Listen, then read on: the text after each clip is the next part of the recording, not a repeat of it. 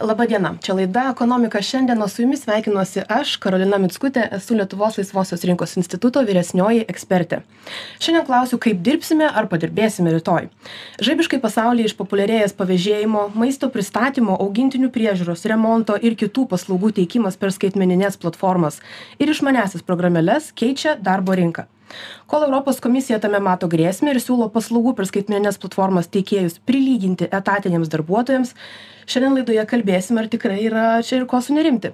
Kalbėsime apie kintančius žmonių poreikius susijusius su darbu ir kaip toji padirbėjimo arba gig economy ekonomika keičia darbo rinkos paveikslą.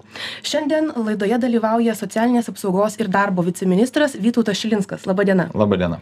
Taip pat su mumis yra personalo paieškos ir atrankos bendrovės cv online lt rinkodaros vadovė rita karavaitienė. Sveiki rita. Sveiki. Taip pat prie mūsų prisijungia advokatas vilniaus universiteto teisės fakulteto fakulteto docentas socialinių mokslų daktaras justinas usonis. Laba diena laba diena ponia karavaitiene jūs ko gero nuolat stebite darbo rinką fiksuojate jos pokyčius. Kokių darbų žmonės ieško dabar? Kokių darbuotojų galbūt tikisi pačios tos įmonės? Ir kiek mes esame nutolę nuo to standartinio tipinio darbo nuo aštuonių iki penkių apie kuriuos dainos rašomos? Tai iš tikro e, lankstumas labai populiarėja darbo rinkoje ir jau jau pandemijos metu pradėjo sparčiai didėti darbo pasiūlymų skaičius kuriuose e, nurodoma kad suteikiama nuotolinio darbo galimybė. Ir dar vis dažniau populiarėja kaip kaip privalumą kaip naudą. Įmonės nurodo kad suteikiamas ir laisvas darbo grafikas. Tai ta laisvė kiek aš stebiu kiek žmonės atsiliepia į vienokius ar kitokius darbo skelbimus kaip jie kandidatuoja tai būtent tas laisvės faktorius tampa vienu iš pagrindinių renkantis e, darbo pasiūlymą kuris e, tampa patrauklesnis ar ar mažiau patrauklus. Tai iš tikro e, laisvės faktorius yra itin svarbus darbo rinkoje ir įmonės kiek mes bendraujame su įvairiausiais verslais na blaškosi tarp tokių dviejų dalykų. Lyg ir reikėtų kad darbuotojai būtų biure bet lyg ir viskas padaryta tai ko kognityvinis disonansas kaip čia taip vyksta? ko galima reikalauti iš tų darbuotojų? Ir manau čia mes esame tokiam lūžio momente kai kai gali na šiek tiek keistis ir patys tie darbo santykiai kažkokios darbo formos e, patys darbuotojai tikėdamiesi vis daugiau laisvės stumia darbdavius į tą pusę kad gali keistis na santykis kiek bus etatinių ir kiek bus neetatinių darbuotojų. Gali tiesiog daugiau atsirasti tokio projektinio darbo pagal sutartis konkrečiam konkrečiai užduotį užduočiai tave pasamdo na tu atlieki užduotį santykiai darbiniai baigėsi. Tai tikrai esam tokio ant tokios bangos pokyčių ir ir labai priklausys nuo pačių darbuotojų spaudimo darbdaviam ir kaip darbdaviai sugebės iš to išlaviruoti nes vis tiek žiūrės na į verslo rezultatus į tai kiek a taikydami įvairius įvairias tas lanksčias darbo formas kiek geba pasiekti verslo rezultatų pone usoni o jūs gal matot kokių nors teisinių rizikų visame šitame? Nes gražu klausytis iš namų gali dirbti gal kur nors iš iš palangos hamako kabant. Bet aš žinau kad yra ir darbo saugos reikalavimai įvairūs tai kaip spręsti tuos klausimus darbo darbo darbdavio atsakomybės už darbuotoją nes vis dar tas yra?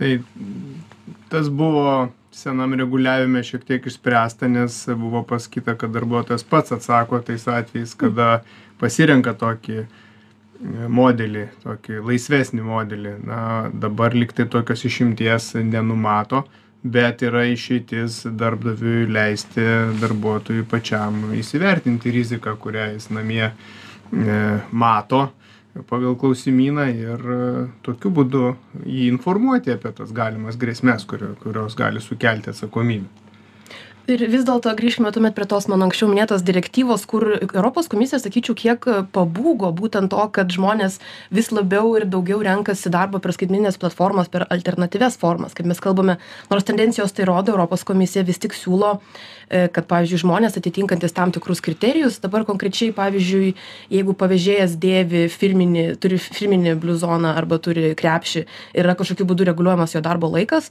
tai jau būtų traktuojama kaip samdomas darbuotojas nes problema keliama tokia kad neva dabar yra labai aptinkama daug nelegalaus vadinamojo darbo atvejų kai ant popieriaus yra paslaugų teikimas bet pagal kriterijus yra e, teikiamos kaip vykdoma e, vykdomas samdomas darbas. E, pone Šilinskai, kokia Lietuvos pozicija dėl tų paslaugų teikėjų per platformas ir programėlės prilyginimo etatiniams darbuotojams? Mhm. Situacija bendrai yra tokia, ir ką komisija paskaičiavo, kad 22 metais platformose dirbančiųjų buvo apie 28 milijonus, o 25 jau arti dvigubai bus 43 milijonai. Tai tendencija yra labai, kad auga, komisija tai neramina, jie paskaičiavo, sunku pasakyti kaip, kad e, kažkur netinkamai kvalifikuojami yra 5 milijonai šitų.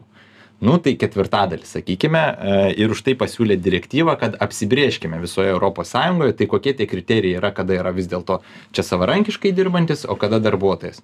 Tai diskusijos labai intensyvios ir pernai gruodžio mėnesį dalyvavau EPSCO taryboje, kur nepavyko šalim susitarti, todėl kad komisijos pasiūlymas e, Šmito buvo toksai, sakyčiau, labiau į kairę linkstantis, kad kuo daugiau pripažinti darbuotojais, valstybės narės e, e, ėjo į dešinesnę pusę, kad liberaliau būtų ir nereikia visų suvaryti į būtent darbo santykius ir turi išlikti ta individuali veikla. Įdomu tai kad vokiečiai susilaikė nes pas juos pačius yra vyriausybės išsiskyrė nuomonės tai lyderystės ėmėsi prancūzai. Ir jie būtent palaikė tą liberalesnį santykį nes pas juos tai yra tai veikia jie yra sudarę su asociacija ten veikiančią kolektyvinę sutartį ir sako mes tokiu būdu puikiausiai išsprendėm. Nereikia visų į darbo sutartį suvaryti mes derybų būdu išsprendėme. Ir šiuo metu prancūzai kažkiek vat bando imtis lyderystės susitarti nepavyko todėl kad ispanai graikai slovėnai kitos vat socialdemokratinės vyriausybes turinčios valstybės jos sakė kad tas variantas kuris buvo tą dieną pasiūlytas kaip kompromisinis yra per mažai ambicingas. Jie vėl nori kad būtų daugiau link darbo santykių tai tai nepavyko susitarti. O diskusijos tęsiasi dabar pirmininkavimą perėmė švedai ir vat šiandien komisaras skambins ministrei prašys palaikymo Lietuvos pozicija yra tokia, mes esame tų dešiniųjų valstybių grupėje, kur sakom taip, reguliuoti reikia, kompromiso reikia, nes ten yra gerų dalykų, kaip pavyzdžiui, kur visos šalis sutarė, kad e, žmonės turėtų teisę žinoti, kaip tie algoritmai veikia, mhm. e, kaip jie yra vertinami ir kiti dalykai. Tai šitie dalykai naudingi, o kiek ar daugiau ar mažiau link darbo santykių, tai Lietuvos yra ta pusė ir mes bandome dėrėtis, kad vis dėlto leiskime žmonėm patiem kiek galima daugiau pasirinkti nes ir lietuvoje kitaip negu sakykim vakarų europoje bendravome su žmonėm dirbančiais šitoj srity ir jie patys sakė turi asociacijas mus situacija tenkina. Taip yra dalykų kas galėtų būti geriau bet e, tai nėra taip kad mes norime tapti darbuotojais pagal darbo sutartį Pone Usonio, kaip Jūs vertinate, čia gerai ar blogai, kad vis daugiau žmonių nenori net gal turėti viršininko virš savo galvos? Kaip Jūs manot, kas atsitiktų, jeigu va, tokia europinė direktyva būtų priimta? priimta?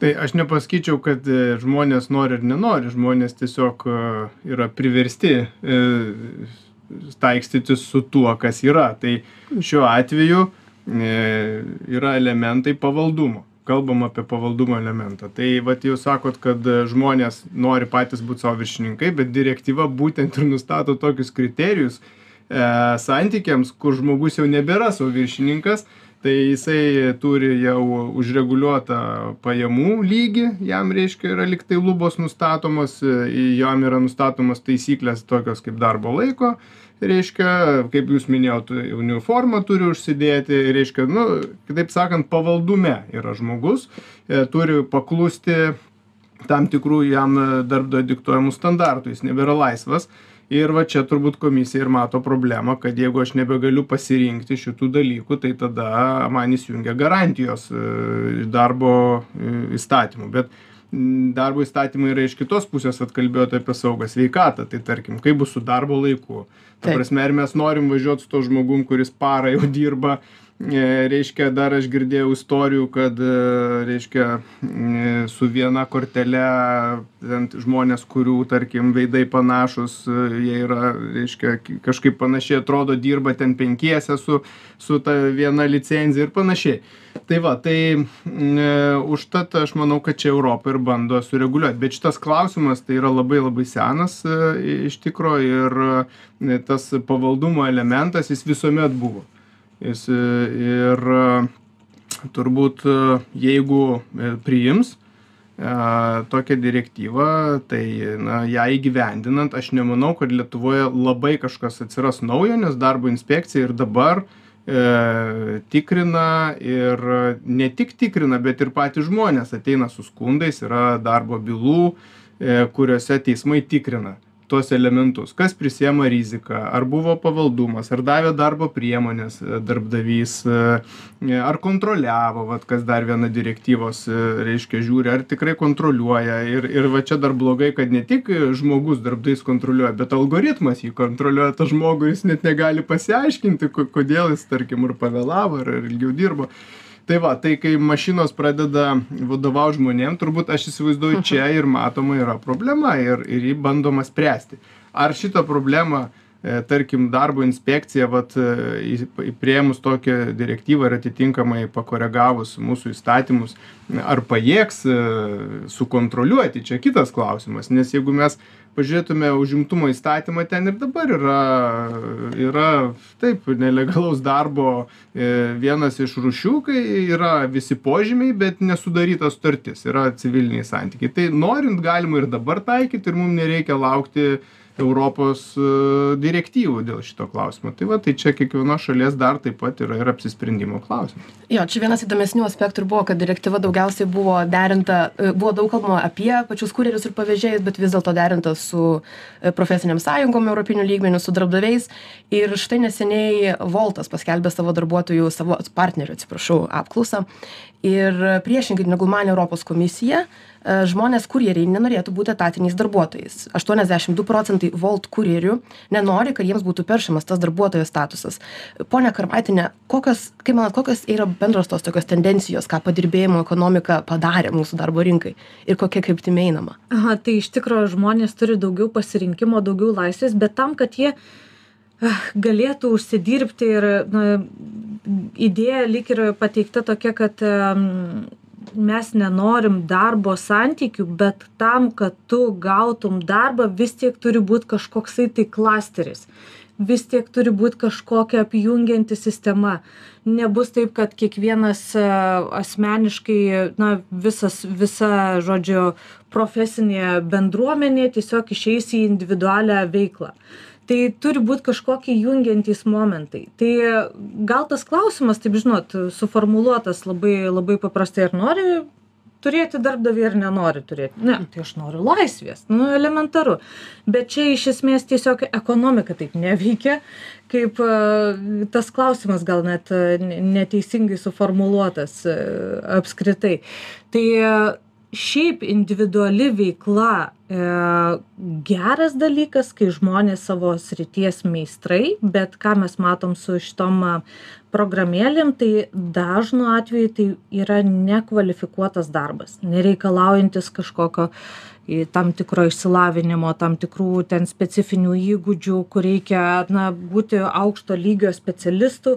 Iš esmės, tas žmogus, jeigu jisai užstringa šioje veikloje ilgesnį laiką, ir paskui sugalvoja kad man reikia daugiau stabilumo man reikės gal ten banko paskolos norėsiu namą pirkt ar kažką jau atsiranda problema jam sugrįžti į tą darbo rinką nes jisai neturi įrodymų kad jisai yra kvalifikuotas darbini darbuotojas kad jisai tam tikros srities specialistas ir į na į tokius darbus vis tiek žiūrima truputį su abejone. Jeigu individuali veikla yra tam tikra jau profesija amatas kaip sakysim santechnikas apdailininkas kur reikalinga kvalifikacija išsilavinimas e, įdirbis meistriškumas jau yra kitas dalykas ir ir manau jie turi daugiau a daugiau tiesiog galimybių būti toje darbo rinkoje iš jos neiškristi turi daugiau stabilumo dirbdami individualiai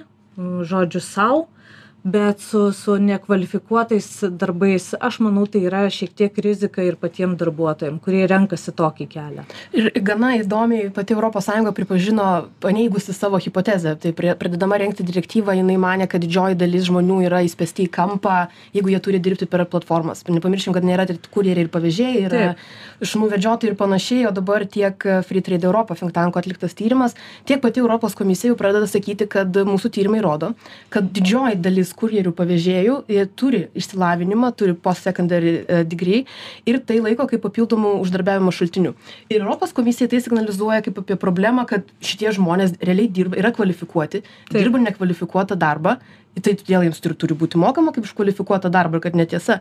Tai klausimas ko gero visiems kaip kaip manot ar čia toksai protų nutekėjimas į kitą pusę nevyksta per tas visas programėles pone šilinskai gal gal iš jūsų pusės programėlės ir platformos labai gerai kad duoda lankstumą ir mes lietuvos ekonomikoj tą labai pamatėm būtent per kovidą e, kai užsidarė e, restoranai tai žmonės tikrai vat perėjo kurjerius užsidarė dar kitos įmonės tai nuėjo pavėžėjus tai matom kad labai labai gerai amortizavo ir labai padėjo išeiti toj ekonomikoj.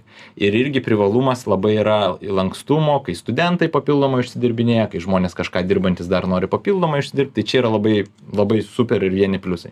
Rizika yra ir ką matome kartais kad truputį daugėja tų kurie tai laiko nuolatiniu darbu. Ir va čia jau yra tada rizika nes vat kaip ir minėjau kad žmogus nu jisai dirba dažnai nekvalifikuotą darbą socialinių garantijų turi mažiau ir jisai gali užstrigti šitam darbe. Tai čia vat yra rizika. Jeigu čia laikina papildoma super labai gerai labai palaikom.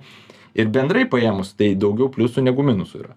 Tai vat žiūrime kaip kaip kad tos platformos galėtų veikti ir kad direktyvos jeigu bus pokyčiai kad tai nebūtų užkardantys tą veiklą nes tai ekonomikai naudinga ir ir didelę vertę kuria mums visiems. Tai kaip svarbu kad galutinis tekstas būtų ir kai mes perkelsime tą direktyvą kad jos galėtų toliau veikti o socialinių diskusijų metu su socialiniais partneriais aš ži e, turbūt buvo diskutuota apie tą direktyvą. Kokia daugmaž yra pačių kurjerių pozicija lietuvoje gal žinote? Tai daugum dvi asociacijos buvo su abiem diskutavom tai jos labiau linkusios kad jos tenkina dabartinė situacija yra kad jie yra individual individualūs santykiai. E, kas įdomu buvo kad tuo metu tiesa čia prieš metus ar du diskutavom prieš metus turbūt kad tenkino ir atlygis bet be abejo buvo kas kas žmonės vat dėl aiškumo sako ten mane išmetė iš programėlės ir aš nesuprantu kodėl. Nu toks konkretus ar ne? Ir ir negaliu net nu gauti aiškios informacijos. Tai buvo tam tikrų nusiskundimų kur direktyva irgi tuos bando atliepti dalykus kad žmonės turėtų daugiau aiškumo dar dėl tų pačių reitingavimo sistemų pati kaip vartotoja žinau kad bolte volte galim palikti vertinimą savo paties savo ten tarkim pavėžėjimo paslaugos. Tačiau ponia usone tas įdomus toksai dalykas. Ar programėlė algoritmas vertina žmogų vis dėlto ar pats vartotojas? Nes jeigu aš įsėdžiu įsėdu triukšminga ir visa kita aš turbūt nusi nu ir smirdanti ar dar kažkas tai aš nusipelniau tos vienos žvaigždutės ir būti išspirta iš programėlės. Tai veikia tokia kaip ir įspėjimo sistema kad tarkim šitas galbūt yra labai neatsargus vairuotojas ir aš jam duodu dvi žvaigždutes kad žmonės būkit dėmesingi nesėskit tai ir iš ir iš toksai dar kitas iš iš teisinės pusės vis dėlto ar pavyksta mum pavykti ir aplenkti tą technologinį progresą? Ar galim iš viso viską į teisę sudėti šituo aspektu? Tai nežinau ar ar reikia sudėt bet klausimas e, kokia yra platforma. Tai jeigu yra platforma kuri tiesiog suveda du asmenis e, paslaugai tai direktyva ir sako kad jokiu būdu neribojam tokių e, santykių. Ir ir tai yra vienkartiniai be jokio pavaldumo šunį išvedžiau nu ten kaip sakant ir ir ir tiek. O ar arba reiškia sudarėm sutartį ir nežinau remonto ar kažkokias kitas paslaugas atliko bet e, direktyva kalba apie tuos masinius reiškinius kai programėlė jau nebėra tiktai suvedimas dviejų e, pageidaujančių paslaugą reiškia teikti arba gauti asmenų bet kaip yra jau pagrindinis organizatorius kuris įsivelia į į atlyginimo reiškia skaičiavimą į į nu pavaldumą reiškia nustatymą savo taisyklių ir jau nebe tie du asmenys nustato taisykles o pati platforma nustato. Nu tai va tai čia yra ir skirtingos ir platformos. E kur ir turbūt reiktų atskirti e, ir reguliuojant e, šitą dalyką. Tai, Tai gal tuomet pabaigai veikiau toksai retorinis klausimas, kiek čia žmonės patys gali rinktis tas platformas. Aš vis tik tikiu, kad kuo daugiau platformų čia būtų, kuo daugiau galėtumėm rinktis, tuo gal jos pradėtų labiau konkuruoti. Vis dėlto naujas augantis reiškinys šitas mūsų yra sistemoje ačiū jums labai už pokalbį ir jūsų įžvalgas. Apie kintantį darbo rinkos paveikslą kalbėjome su advokatu vilniaus universiteto teisės fakulteto docentu socialinių mokslų daktaru justinu usoniu. Ačiū jum. Ačiū. Taip pat su socialinės apsaugos ir darbo viceministru vytautu šilinsku. Dėkoju. Ir personalo paieškos ir atrankos bendrovės cv online lt rinkodaros vadove rita karavaitiene ačiū jums.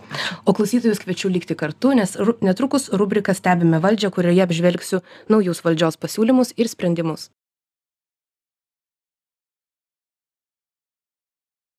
Sveiki sugrįžę čia rubrika Stebime valdžią, kurioje aš apžvelgsiu naujus valdžios pasiūlymus ir sprendimus.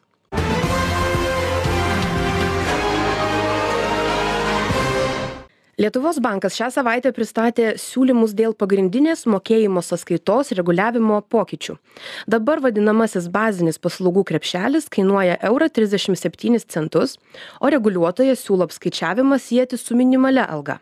Todėl įkainis mažėtų iki 1 euro centrinis bankas teigia kad grynųjų pinigų suma ir pavedimų skaičius apskaičiuoti remiantis apklausomis kad tai atitiktų devyniasdešim procentų gyventojų poreikių akivaizdu kad lietuvos bankas siūlydamas mažinti bazinių paslaugų krepšelio kainą neatsižvelgia į itin aukštos infliacijos kontekstą.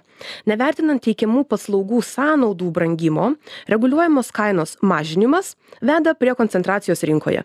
Pelningai bankines paslaugas gali teikti tik daug vartotojų aptarnaujančios įstaigos kurios veikia suta sutampa didesniuose miestuose. Dideliems bankams ir mokėjimo institucijoms kurios aptarnauja daug klientų vienos mokėjimo paslaugos ar operacijos sąnaudos yra santykinai mažesnės. Todėl kainos reguliavimas jas paveiks mažiau.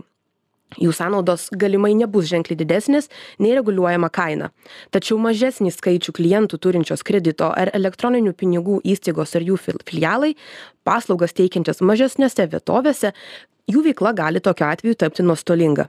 Todėl patiriami nuostoliai bus dar labiau dengiami didinant kitų paslaugų įkainius arba stabdant paslaugų teikimą mažiau klientų galinčiose pritraukti vietovėse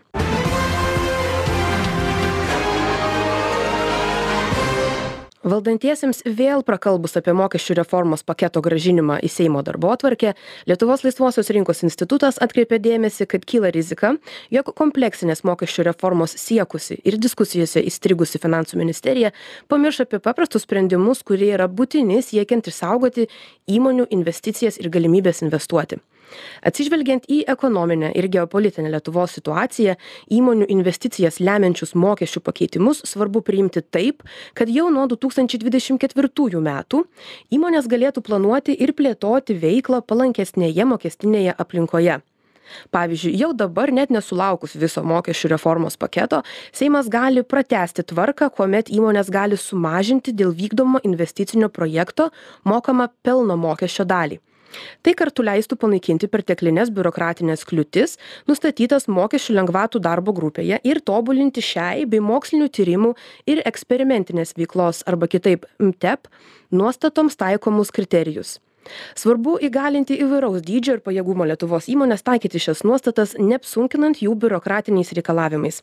Svarbu kad įmonėms aktualūs mokesčių pokyčiai neįstrigtų platesnėse diskusijose dėl mokesčių peržiūros ir valdžia suskubtų juos priimti dar iki šios seimo sesijos pabaigos.